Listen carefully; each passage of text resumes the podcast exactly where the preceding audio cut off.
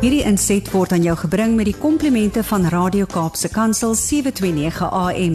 Besoek ons gerus by www.cape pulpit.co.za. A lady uh, has got her tackies laced up and she's ready for action. But first, she's going to hang out with us for a little while, which is just so nice. Auntie Swanepoel, morning. Gaan dit goed daai kant? Oh, dit dit dit gaan goed aan hierdie kant en and what a blessing to hang out with you guys every Wednesday morning. Oh, thank you. It's nice. It's in the middle of the week. We've got some sunshine. You see, in Cape Town, we're allowed to get one sunny day a week during this time of the year. So we've we're getting it today, and we're looking forward to it. So thank you. We've got sunshine outside, and you can bring us some sunshine for our hearts, Auntie. Praise the Lord. I'm also sitting in sunshine, so I think we are all truly blessed today. I'll take that.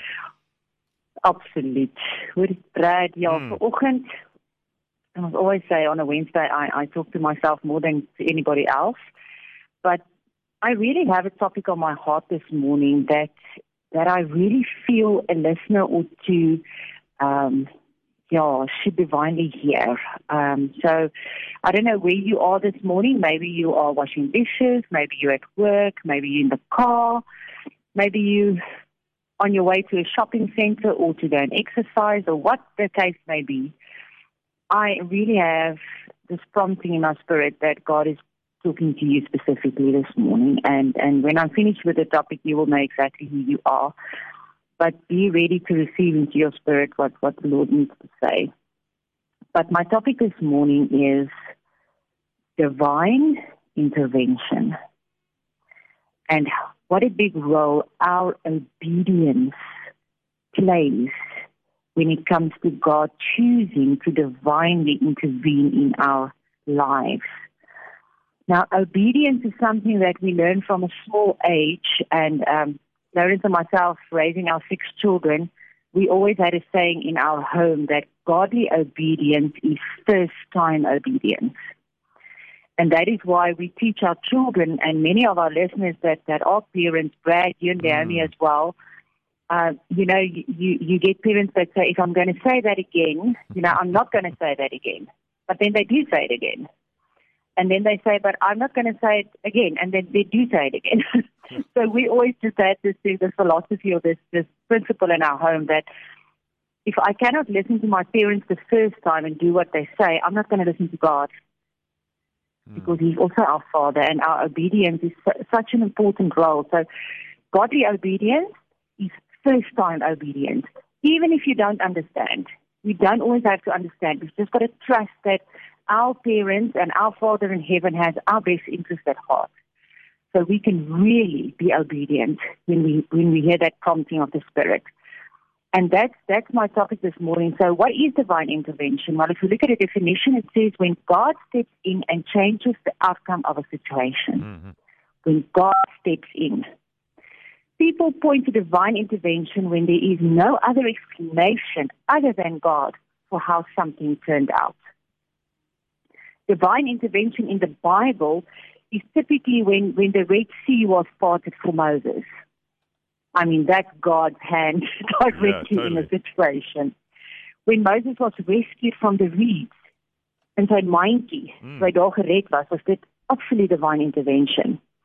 Divine intervention reminds us that God is powerful and that God is good. And we need divine intervention in our in our in our lives. Maar dit loop vir my so saam met gehoorsaamheid aan dit wat die Here vir ons sê. While Jennifer Skiffs, she's a CNN journalist, and she calls these divine intervention moments, this mooi, she Mm. calls it God's stories. His stories. She explains that they are defining moments in an individual's life that provided undeniable proof of God's existence for him or her. Now, she had bone cancer, was ready to, to go to eternity, and she was completely healed. And she said, That is my God story. Nobody can take that away from you. If God intervenes in your life and you know that you know that you know, no, it's undeniable that God works in your life. Mm. And that is God's will for all of us. That we will have many God's stories in our life, that we will be obedient in our spirit so that divine intervention can take place. The most beautiful story with regards to this topic I want to share with, with our listeners this morning is a story from New Zealand. Now, flooding is nothing new for the residents of Edgecumbe, a little town in New Zealand, which lies in a floodplain. So for most part, even with rising waters and heavy rains, everyday life goes on as planned. But in May 2017, on the 6th of April, something prompted the principal, Kahu Walker, to keep the students home. And on that same morning, right about the time the students would have been walking to school, the flood bank protecting the town burst. Despite the rain, Principal Walker's decision was completely out of the ordinary. Yeah. Completely. He says because the normal rule of thumb is that you stay open at all costs, he explained. But something in his spirit told him that day, do not stay open, and he cancelled school.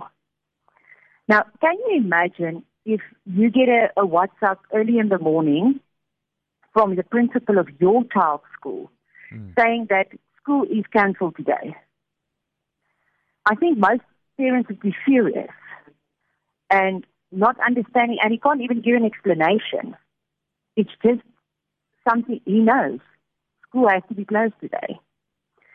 And he was obedient to the prompting of the Holy Spirit that day. Mm-hmm. It didn't make sense. He knew that loads parents were going to come down on him, yet he decided to be obedient to this prompting and this feeling in his being. How many times don't we get that? And then we rationalize around it and we choose differently. We should not do that. We should have, he mm. had godly obedience. He had first time obedience. He felt that prompting and he acted immediately. The Edgecumbe Primary School sits right near the Rangitaiki River. And because they are, the area is, you know, prone to flooding, mm. the river's flood bank is designed to keep rising water from flooding the town. So it's designed in that way, so they're normally always safe. However, for reasons still unknown to today, the concrete section of the stop bank gave away that morning. And a tidal wave of water swept through the streets. Mm. Ordinarily, if we didn't cancel school out of obedience that day, students would have been walking to school. Yeah. They would have been right there at the bank wow. when it broke. But Principal Walker's unusual, out of the ordinary, not making any sense decision that morning to close the school kept this from happening. The possibility of what could have happened had he not made this decision, he says, still haunts him until today. It is something I struggle with to this day. I call it divine intervention. I don't know, but there would have been a hugely different outcome if those children walked to school yeah. that morning. Plenty of parents are now grateful to Principal Walker for making this out of the ordinary call that day. The flooding was devastating to that town. 15 homes were condemned and another 230 severely damaged. A third of the town's population lived in motels or with family and friends in the neighboring cities. But considering the loss of life that was avoided, it is clear that God had his hand on this town that day. Mm. And the second story, the second prompting, or the second lesson I learned from this is when God came to say, Who was praying for this town? Yeah. Someone was praying. So sometimes we feel that we pray and we don't see. We have to keep on praying because somebody was praying for this town and the principal was obedient to mm. God's prompting and divine intervention was the outcome I leave you this morning with Proverbs 3 verses 5 to 6 because there's many times God is going to prompt you and it's not going to make sense. But you've got to learn godly obedience, that first time obedience. If you drive in your car and you feel that you shouldn't take this road, you should take another road, take the other road. Yes. Don't think about it. Don't rationalize about it. If you know this morning, I've just got this something, I shouldn't get in my car and drive, then don't. Mm. Even if it doesn't make sense. God knows.